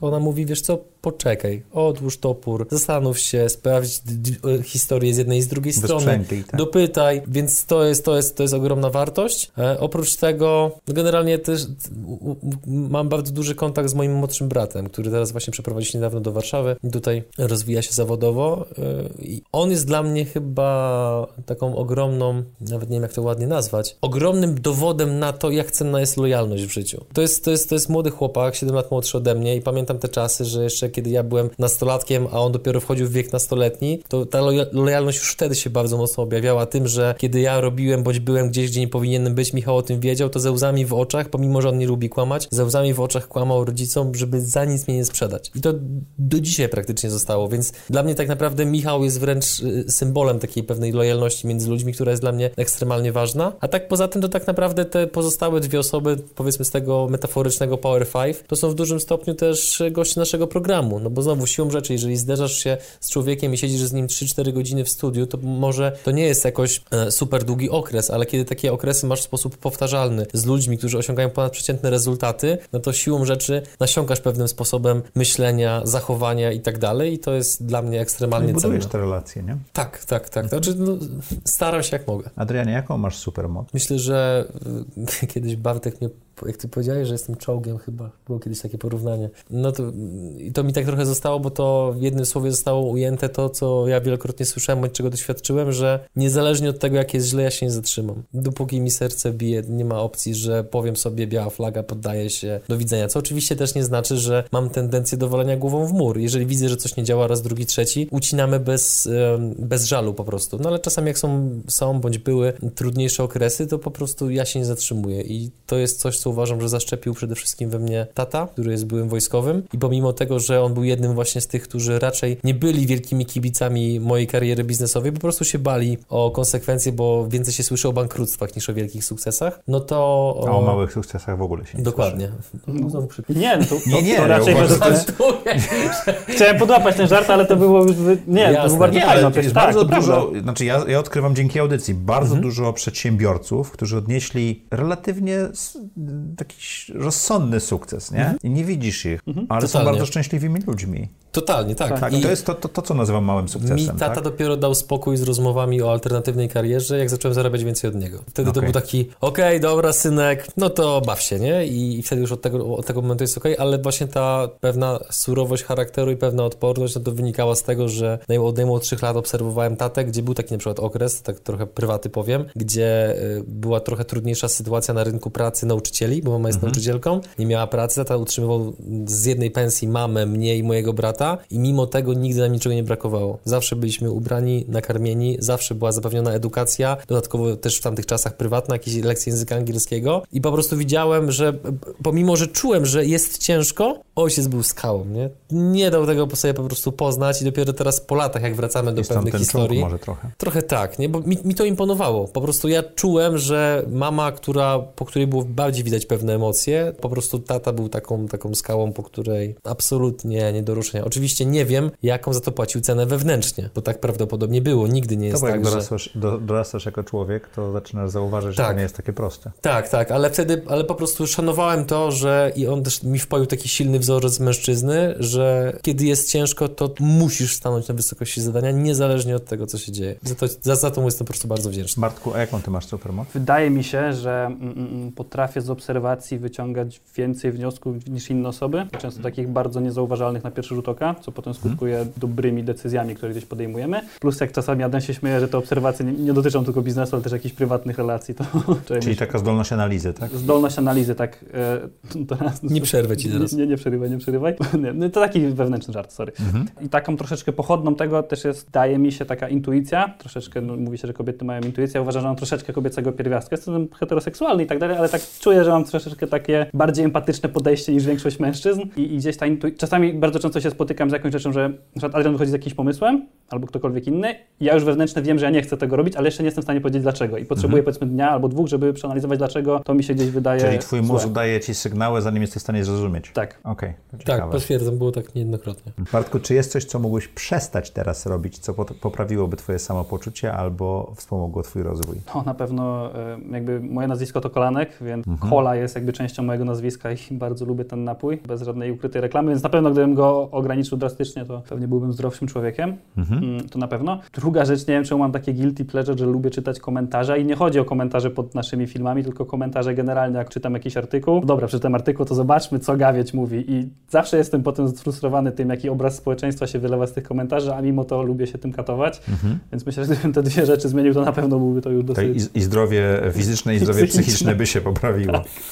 Adrianie, co mógłbyś przestać teraz robić? Ograniczyć drastycznie media społecznościowe, ponieważ uważam, że jestem na nich zbyt często dostępny. To powoduje nadmierną ilość bodźców, nadmierną pętlę dopaminową, co powoduje, że e, potrzebuję przeważnie 3-4 godzin absolutnego braku bodźców, żeby się bardzo wyciszyć, a w momencie jak się coś co chwilę sięga po telefon niczym rewolwerowiec, to po prostu tych bodźców jest za dużo. A zauważyłem, że w momencie, kiedy pozwolimy na to, by hałas wokół nas ustał, a tym samym w naszej głowie, to wtedy pozwalamy dojść do głosu temu cichemu człowiekowi, który w nas jest, który ma dobre pomysły, dobre obserwacje, dobre wnioski, tylko po prostu jego szept się nie przebija przez hałas. Więc to jest. Ale w tej branży to jest ciężko osiągnąć, prawda? Trochę tak, no więc tylko ja z drugiej strony nie chcę tego, tej obserwacji używać jako pewnego e, argumentu, który tłumaczy, Okej. że to robię zbyt często. Chcę po prostu w jakiś sposób to ograniczyć, dlatego między innymi nie mam Messengera na telefonie, co już jest bardzo dużym e, krokiem naprzód dla mnie, no bo to powoduje, że jednak no, masz mniej elementów, które możesz sprawdzić i potem po prostu raz na, w ciągu dnia wchodzę na przykład na komputerze i patrzę, tam tych wiadomości jest 10, 15, 20, odpisuję w pierwszej kolejności na te, które są ważne, na pozostałe odpowiadam przeważnie bardzo krótko, bo też nie lubię braku odpowiedzi, bo uważam, że nawet odpowiedź nie jest lepszą odpowiedzią niż wyświetlono albo odczytano. I To też jest jakaś odpowiedź. no, no ale, ale to już jest taka. To się ghosting nazywa. Tak, tak, Ta, ale tak. to, jest, to jest dla mnie mało eleganckie, ja tego nie lubię robić e, i sam też nie lubię być e, ofiarą tego. Więc e, przede wszystkim media społecznościowe, żeby to ograniczyć, bo jeżeli chodzi o kwestie zdrowotne, no to tutaj to, to gdzieś tam jest w miarę dobrze poukładane i ro, być może to jest niebezpieczeństwo, powiem to, żeby to było zapisane na, na taśmie, rośnie mi trochę uzależnienie od adrenaliny w kontekście sportowym. Jak przekroczyłem pewną barierę przy skokach spadochronowych i zobaczyłem, co się dzieje z ludzkim ciałem, jak się wnosi, wznosisz samolotem na wysokość 4000 metrów i nagle w twojej głowie zapala się baner e, świecący takimi neonami. Kto normalny wyskakuje ze sprawnego samolotu? To, to są tak niesamowite odczucia, bodźce i wrażenia, że chcę tę ścieżkę kontynuować, dlatego robię właśnie kurs AFF. Mamy rewelacyjny odcinek z e, Tomkiem Kozłowskim, który zawodowo jest skoczkiem spadochronowym, a Mhm. zajmuje się charytatywnie pomaganiem ludziom. E, To jest jedyny odcinek, na którym się poryczałem w czasie nagrania, także polecam. A o skokach jest dużo, bo to jest osoba, która skoczyła 100 razy jednego dnia. Jednego dnia. Tak, no polecam, polecam, dobry odcinek. O kurczę. Zlinkujemy tutaj, Kuba, tu. Zresztą jakieś niskie wysokości, jakieś 1000 metrów, bo to, tak... jest, to jest, to jest To wyczyn, musicie, no. musicie z- obejrzeć, bo jest cały proces opisany. On to zrobił po to, żeby zebrać, Tomek zrobił to po to, żeby zebrać pieniądze na wózki inwalidzkie dla dzieci. To ja muszę też sprawdzić, ja też chcę. Te- Też na coś zbiorę, jeszcze nie wiem na co, coś dobrego. Zaprosz go do programu, bo rewelacyjny człowiek. Będziesz po prostu zaszokowany rozmową z nim. Jak już Okej. powiedziałem, ja się poryczałem oglądając ten. Dziękuję za dobrą monetę. Czego nauczyła was pandemia? Ja swoją naukę brałem z obserwacji naszych gości przede wszystkim, bo no, nasz biznes się za bardzo nie zmienił. On wręcz urósł, więc Ale mieliście taki jakiś moment, że tam buksowały wam koła też, nie? tak, ale boksowały z powodu tego, że ulegaliśmy e, szumowi otoczenia, że jest generalnie pożar wokół, więc kiedy ten pożar wybuchnie u nas, a ten pożar no, u nas polegał na tym, że odszedł jeden klient z kanałów YouTube, który żył ze szkoleń stacjonarnych. No to siłą rzeczy. Ciężko mu było po prostu zmienić model biznesowy w bardzo krótkim czasie, więc nasz biznes urósł, co oczywiście nie jest kwestią tego, że byliśmy tak genialni, tylko bardziej kwestią tego, że tak się po prostu ułożyła specyfika całej sytuacji. A co ciebie nauczyła pandemia? To, że zamiast, jeżeli oczywiście możesz, bo też ja teraz nie chcę tutaj być gościem, który jest kaznodzieją, który mówi, jak ktoś ma żyć, ale obserwując to, to, to co robili nasi goście, którzy faktycznie zderzyli się ze ścianą, jeżeli chodzi o pandemię, to to, jak szybko oni reagowali. Że zamiast czekać, czy się wykrwawią, czy nie, to jak tylko pojawiły się pierwsze symptomy krwawienia, to oni już starali się szukać alternatyw po to, żeby ten koszty, biznes... tak. Dokła- dokładnie tak. I wielu z nich, co ciekawe, zbudowało linie biznesowe, które się okazały bardziej dochodowe niż ich wcześniejszy biznes. Tylko właśnie dlatego, że... Reagując na Tak, sytuację. tylko dlatego, że okoliczności zmusiły ich do tego, żeby zadać sobie ponownie pytanie, ponownie założyć kowbojskie buty, dobyć rewolwer i dobra, zobaczmy, czy, zno, czy mam to, to, tą iskrę, żeby znowu coś stworzyć. Czyli wysiąść z ciepłego siodełka. Dokładnie. Tak? A ciebie? Czego nauczyła pandemia? Mnie chyba najbardziej, że internet tak jako narzędzie, które pozwala mm, szerzyć wiedzę w sposób bardzo szeroki i, i, i, i- taki bezpłatny, nazwijmy to, to w równym stopniu potrafi szerzyć głupotę. To już było mniej więcej widoczne od początku gdzieś 2010 roku, gdzie ten był taki boom mediów społecznościowych i się okazało, że można, mm, mm, można głupie rzeczy szerzyć w elegancki sposób i ludzie gdzieś to, gdzieś to łapią. No, a po tym, po, po pandemii gdzieś to jakby jeszcze bardziej zostało wyszczególnione i, i, i taki wniosek mnie naszedł, że niezależnie jak dobrą inicjatywę podejmiemy, z jakimi dobrymi intencjami, to ostatecznie inne osoby i tak tą inicjatywę albo to narzędzie, które stworzymy, obrócą do bardziej niecnych celów i, i, i, i, i tyle. Każdy wynalazek może stać się bronią, tak? Wydaje mi nawet nie, że może, tylko że prędzej czy później się stanie. Czyli każdy wynalazek, który na początku będzie powiedzmy pełnił jakby dobrą rolę, to ostatecznie przez, przez mądre osoby, ale o niecnych celach może faktycznie stać się bronią. No. Mhm. O książce już mówiłeś, Tak. także jedno pytanie ci ominie. Adrianie, książka która? Myślę, że na ten moment to Nowa Psychologia Sukcesu, książka dramatycznym tytule, który bym zmienił na dowolny inny, nawet nazwałbym książkę po prostu książka, bo tamten to, no, no nie, no aż się wzdrygam, ale ta książka bardzo mądrze opisuje, w jaki sposób powinniśmy prowadzić dialog samymi ze sobą, kiedy nam coś nie wychodzi i jednocześnie jak powinniśmy prowadzić dialog z naszymi bliskimi, dziećmi, współpracownikami, wspólnikami, kiedy im coś nie wychodzi. Jak konstruować zdania, żeby w ludziach pielęgnować wytrwałość, pracowitość i chęć eksperymentowania, a nie zachowawcze, konserwatywne granie na to, co działa, nie uwzględniając tego, że czasy, w których funkcjonujemy, się zmieniają. Ta książka uświadomiła mi, że pomimo, że miałem bardzo dobre intencje, wielokrotnie próbując pomóc chociażby mojemu bratu w szkole, to używałem konstrukcji, które mam wrażenie w pewnym stopniu Ograniczały go? og- os- ograniczały go i osłabiały jego psychikę, zamiast ją wzmacniać. Więc ja to treści z tej książki bardzo sobie wziąłem e, do serca i teraz Bartek może potwierdzić, jestem psychopatą na punkcie semantyki w naszej firmie. I NLP pewno. Pewnie tak. Więc jak ktoś używa słów, które wiem, że mogą mieć wydźwięk pejoratywny, mogą mieć trochę negatywną wibrację, to zawsze delikatnie zaznaczam, że może innego słowa warto użyć, inaczej na to spojrzeć, no bo tak naprawdę słowa, których uży, używamy, definiują naszą percepcję. Mhm. Więc jeżeli tym odpowiednio zarządzamy, to potem też no, siłą rzeczy to wpływa na to, jak się czujemy, jak myślimy. Panowie, co chcecie, żeby słuchacze i widzowie audycji Zaprojektuj swoje życie zapamiętali z tej rozmowy? Przede wszystkim, bo to nam się sprawdza regularnie i to pewnie już każdy słyszał nie raz, nie dwa, ale i tak to powtórzę, żeby z jednej strony nie bać się eksperymentować, bo może się okazać, że ten wygodny fotel, na którym siedzimy, nie jest najwygodniejszym, na którym moglibyśmy siedzieć, ale z drugiej strony, żeby podczas tych eksperymentów bardzo twardo patrzeć na dane, żeby nie kierować się tylko i wyłącznie swoim odczuciem, bo jeżeli wpadniemy w, nie, w tą niebezpieczną pułapkę, że nagle analizujemy, czy wycofać się z pomysłu, który jest naszym mentalnym dzieckiem, no to to często powoduje, że zbyt długo przetrzymujemy podjęcie pewnych decyzji, które są wręcz konieczne, więc no, mnie, mnie ten sposób myślenia jeszcze nie zawiódł, czyli że z jednej strony eksperymentuję, ale z drugiej strony non-stop, jak w pokerze mówię sprawdzam, w pokerze nie mówię non-stop sprawdzam, bo bym szybko przegrał, e, ale w życiu generalnie no, sprawdzam na bieżąco po prostu swoje, swoje poczynania. i- Dane, a nie odczucia. Dokładnie. A, a jeżeli mam wrażenie, że trochę mi się mieszają zarówno dane i odczucia, wtedy pytam Bartka, wtedy Bartek mówi na pewno w oparciu o dane. Bartku, z tych wielu wątków, które tutaj poruszyliśmy, Mm, Myślę, że taką fajną rzeczą, którą tak warto na koniec powiedzieć, która też trochę wybrzmiewała w tych innych wątkach, jest rzecz, którą zrozumiałem niedawno, czyli że wiedzieć, a rozumieć to nie jest do końca to samo. Czyli jeżeli przeczytamy bardzo dużo książek, zobaczymy bardzo To dużo wywiadów, podcastów, to mamy wiedzę, ale to jeszcze nie znaczy, że ją rozumiemy. Czyli na przykład jeżeli wiemy, że nie wiem, marketing i sprzedaż jest bardzo ważne, to jeszcze nie znaczy, że my to rozumiemy i okej, ja wiem, wiem, a ostatecznie nic z tym nie robimy. Jeżeli albo tak nie, jak- nawet nie potrafimy zrobić. Albo nawet nie potrafimy. Jeżeli na przykład dzisiaj mówiliśmy o tym, że zatrudnianie pracownika jakby bardzo powoli i, i, i, i te odczucia, żeby być pewnym go tak w 100%, okej, to osoba, którą chcę pracować, no dobra, wiem, wiem, wiem, ale zrozumieć to jeszcze nie jest do końca to samo i chyba nie da się nawet tego procesu za bardzo przyspieszyć, więc, yy, yy, więc fajnie, żeby też jakby widzowie wiedzieli, że jak już mają wiedzę, to jeszcze do jej zrozumienia też jeszcze jakaś taka troszeczkę droga i żeby jakby mieli tą świadomość, żeby nie podejmować złych decyzji. Dziękuję Wam ślicznie. Super rozmowa. Zupełnie inna niż normalnie rozmowy za, Zaprojektuj swoje życie. Normalne rozmowy, czyli to była Nie, nie, ja, to, to była bardzo normalna rozmowa, to co mi się, to wszystko nie wytniemy, słuchaj, e, bo e, widać nas e, jako twórców z trochę innej strony dzięki tej rozmowie, tak, takich jest bardziej wyluzowa, wyluzowanych, nie? bo jednak jak ty i ja jak prowadzimy, to musimy być lustrem dla gościa, tak, E, Amen. odbijającym, a tu mogliśmy troszeczkę się, się z siebie ponabijać, pocheheszkować i takie coś zrobić. Tak, no- To jest moje odczucie. Tak, to mam nadzieję, że e, nie zaburzyliśmy przez to całego flow nasze, nagrania i że widzowie Zobaczymy, pewien ile osób zrobi wybaczą. unsubscribe, tak? Oby jak najwięcej. nie no, żarcik Dziękuję. Wam ślicznie i jak co czwartek do... czw- Dziękuję Wam ślicznie i jak co czwartek o czwartej zapraszam Was do audycji Zaprojektuj swoje życie. Pozdrawiamy, cześć. Na razie.